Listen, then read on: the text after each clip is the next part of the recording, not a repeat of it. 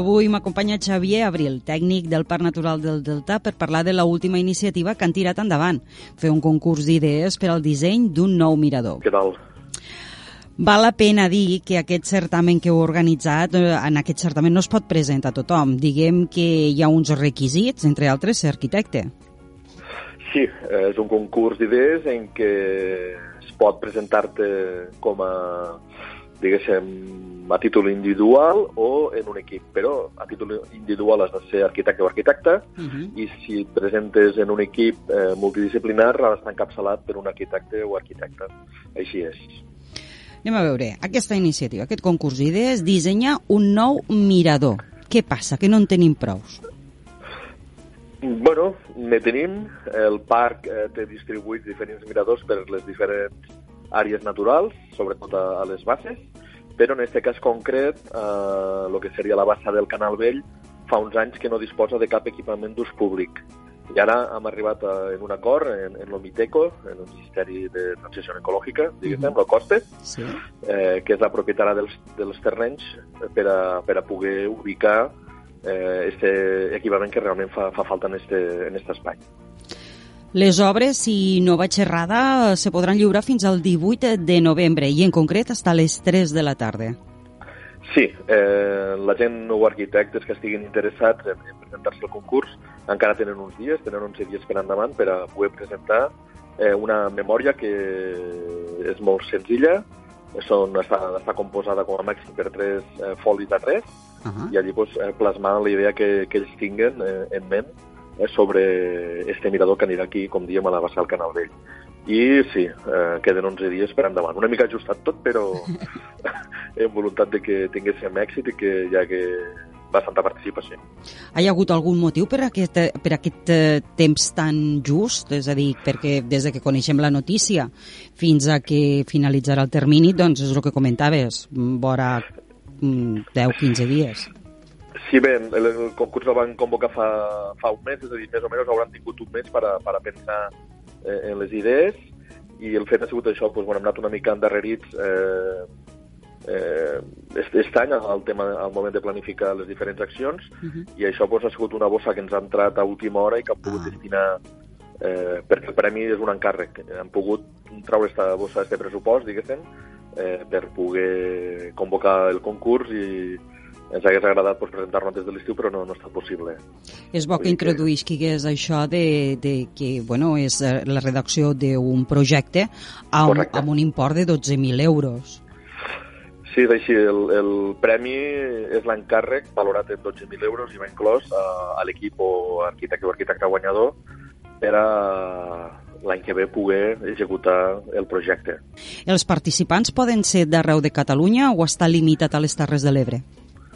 No, no, no, és arreu de Catalunya, arreu de l'Estat, eh, no hi ha problema. Mentre estigui encapçalat eh, pel que dia per un arquitecte i s'envien els tres documents que, que hem sol·licitat, no hi ha mo- motiu de- d'exclusió per, per, per origen en este, en este sentit.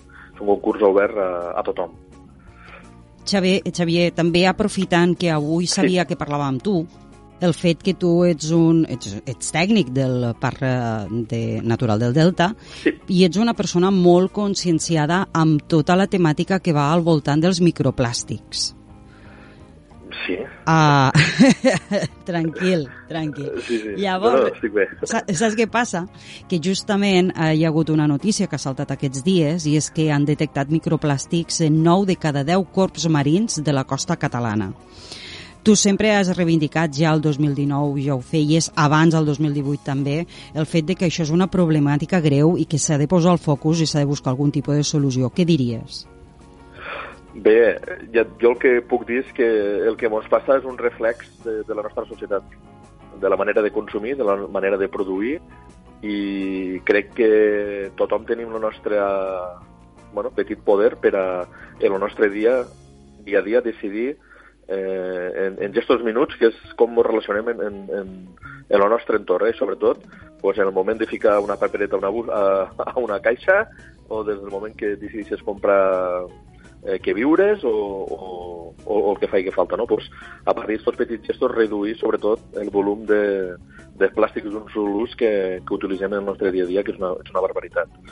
Llavors, a partir d'aquí, clar, el problema que, que ara el, els mars contaminats, el problema que tenim a la natura, pues, ha de ser evitar que, que aquests plàstics entrin en, al sistema natural mm, de la manera que sigui possible i després eh, no deixar de, de sensibilitzar, fent jornades de sensibilització i educació ambiental, uh -huh. i com no, pues, acabant en el que menys ens agrada, ens agrada no? que és anar a netejar espais naturals, que malgrat tot pues, encara estem. No? És a dir, hi ha moltes entitats aquí al Delta que eh, fan accions de neteja pues, cada dos per tres. Eh? I aquí al Delta, pues, ja ho sabeu, eh, hi ha més de 100 i pico quilòmetres de línia de costa, estem al mar tancat, al mar Mediterrani, cada vegada que hi ha un temporal, la mar mos torna allò que l'hem injectat inconscientment o, o, o conscientment, uh -huh. per una mala gestió de, dels residus i, i, i és un retorn que no desitjat, però bueno, és, és el que hi ha. En els darrers anys, eh, cada vegada que feu jornades com la que comentaves ara de recollida de brossa marina, heu notat eh, que hi ha major conscienciació o no? Veus que, que la societat continua avançant i que encara estem molt oblidat tot això? ostres, eh, fa anys que piquen pedra, jo diria que, bueno, que estem progressant, que estem en el camí, però, ostres, és un sistema eh, bastant complex, no?, perquè possiblement aquí a Catalunya pues, disposem de, a tots els pobles, eh, hi ha un sistema de recollida selectiva, eh, disposes de contenidors, eh, hi ha tot un sistema de, de tractament de, pues, bueno, de, dels materials que, que recicles, no? des de les diferents característiques, eh, vidre, plàstic, paper, etc. Però si te'n vas cap a altres punts del Mediterrani, el que dia, pues, hi ha puestos que les necessitats primàries és que hi hagi un plat a taula i un techo. I el tema de la recollida pues, és, és secundari. I, i a vegades pues, ens trobem això, no? que mm, la, la tua brossa el meu problema, no? Saps com vull dir? Sí, ens sí, arriba sí, coses sí. De, d'arreu del món i, i l'únic que hem de ser pues, bueno, un missatge positiu, millorar el nostre dia a dia i intentar continuar sensibilitzant i en el moment de consumir pues, ser una mica més responsables, no? pues, evitar el sobreembalatge i aquestes coses, no? És a dir, hi ha estudis que una bossa de plàstic de compra pues, té una vida útil de 12, de 12 minuts. Uh -huh. ¿vale? La que te Sí, donen sí, al súper, sí. l'arribes a casa, la deixes a los trastos al puesto que pertoque i llavors esta bossa, pues, bueno, eh, se'n deuen fa cap, saps? D'altra banda, també, a veure, el beer watching eh, al Delta de l'Ebre és un dels punts més forts que teniu, que és l'avistament Sí. d'aus. Ara que Sí. comentàvem lo del corp marí, el fet dels Sí. microplàstics, vosaltres jo suposo que us hi trobeu dia sí dia també. Com afecta les aus? Qui, qui, quines situacions vos heu arribat a trobar? Aviam, nosaltres eh, el que tenim da, da, dades eh, de microplàstics és en, en, en, en tortugues marines. Que Aquí el al 100% Delta? De les, sí, eh, del 100% de les tortugues marines que, bueno, que acaben en, mortes a, a la costa, totes han ingerit plàstic. Vale? El tema d'ocells, eh, des del parc sí que fem bastanta, bastant de seguiment, però sempre és a través d'anellaments i, i censos. El tema de, de microplàstics en, en ocells, eh, ara mateix t'enganyaria si et dones dades perquè no, no les tinc... No, no tinc dades fidedignament del que, del, que està passant. No, però per que exemple, han- no vos heu trobat en situacions dramàtiques davant de, de trobar-vos, doncs clar, vosaltres No. teniu un munt d'espècies al parc natural. Sí, no, a veure, en teoria la salut de les espècies és acceptable. Ara, si afinem molt més això, ja ho desconec. Ho sento, no, no tinc No, no ara dades no. És de, és, era més de cara a saber com estan les nostres aus al Parc Natural del Delta de l'Ebre i, i saber si no són els microplàstics en aquest cas, quin és el problema més greu amb el que es troben les aus del Parc Natural. Bé, de moment, eh, en línies generals, eh, els ocells del Delta de l'Ebre gaudeixen de bona salut. En línies generals, eh, hi ha espècies pues, que han tingut un increment, que es veuen afavorides pues, per aquestes temperatures cada vegada eh, més suaus que tenim a- en mesos més llargs, pues, que Mhm. arriben a ser més sedentàries i passen més, més temps aquí. Hi ha altres eh, espècies pues, que, bueno, que s'han vist eh, d'alguna manera afectades en el moment de, de passar l'hivern aquí, Uh -huh. perquè es troben en, en menys aigua, per exemple, en el cas dels arrossars artes, eh, que els arrossars durant l'hivern estaven inundats i la capacitat d'hivernada del delta era major, en línies generals. Eh? Quan hem tingut que lluitar contra una espècie invasora que, que ocasionava danys a sectors socioeconòmics tan potents com, com és el sector de l'arròs aquí al Delta, Sí. aquesta mesura d'inundar els arròs pues, ha- s'ha deixat de- d'aplicar Uh -huh. i hi ha hagut algunes espècies més associades als rossars pues, que la seva població hivernal ha baixat una miqueta.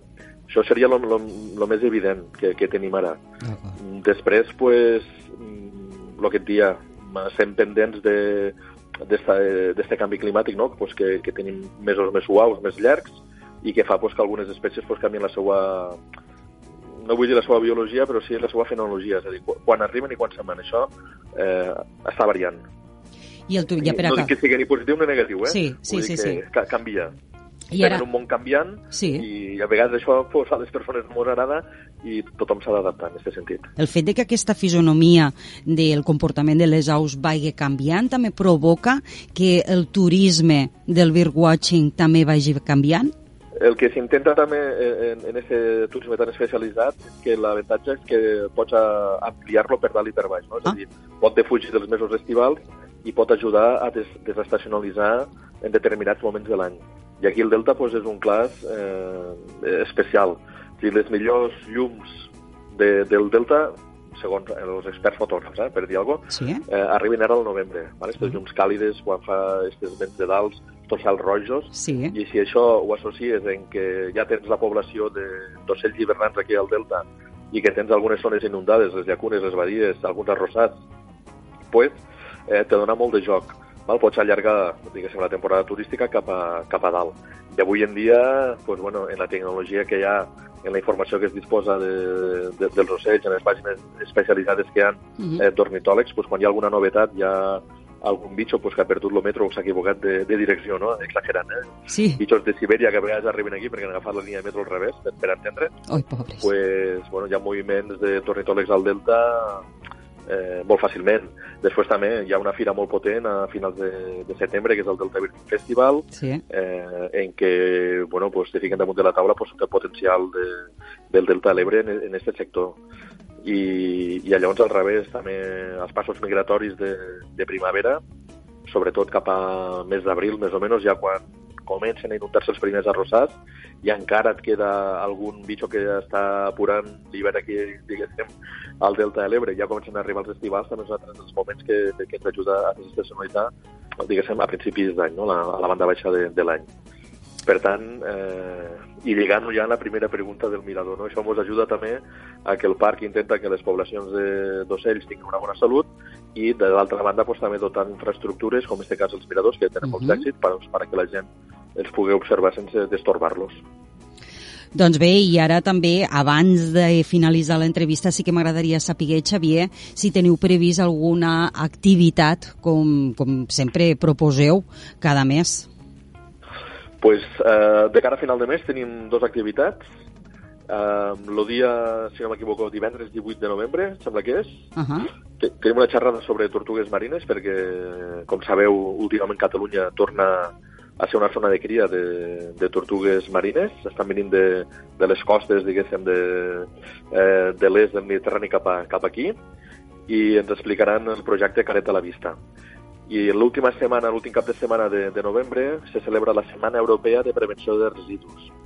I a Amposta tenim dues activitats eh, previstes. Una és una xerrada que serà el divendres de la tarda, eh, que parlarem d'un delta sense plàstics, Ah, mira. eh, quines, quins reptes i quines eh, solucions tenim. Uh -huh. I ens vindrà a parlar Ignasi, Ignasi Mateo, que és un tècnic de l'Agència de Residus de Catalunya, i el que volem és que ens expliqui alguns, algunes, eh, jo diré, algunes accions que han que han tingut èxit de més de 110 que tenim eh, enregistrades a, al llarg de, de, de, del món, eh? des de platges sense plàstics, platges sense fum, eh, platges sense bosses, etc. Vull dir, ell ens ho explicarà. I llavors una cosa molt interessant, eh, el mateix dissabte, crec que és 27 de novembre, Sí, eh? eh, fem un taller de- d'aigües al Mercat d'Amposta.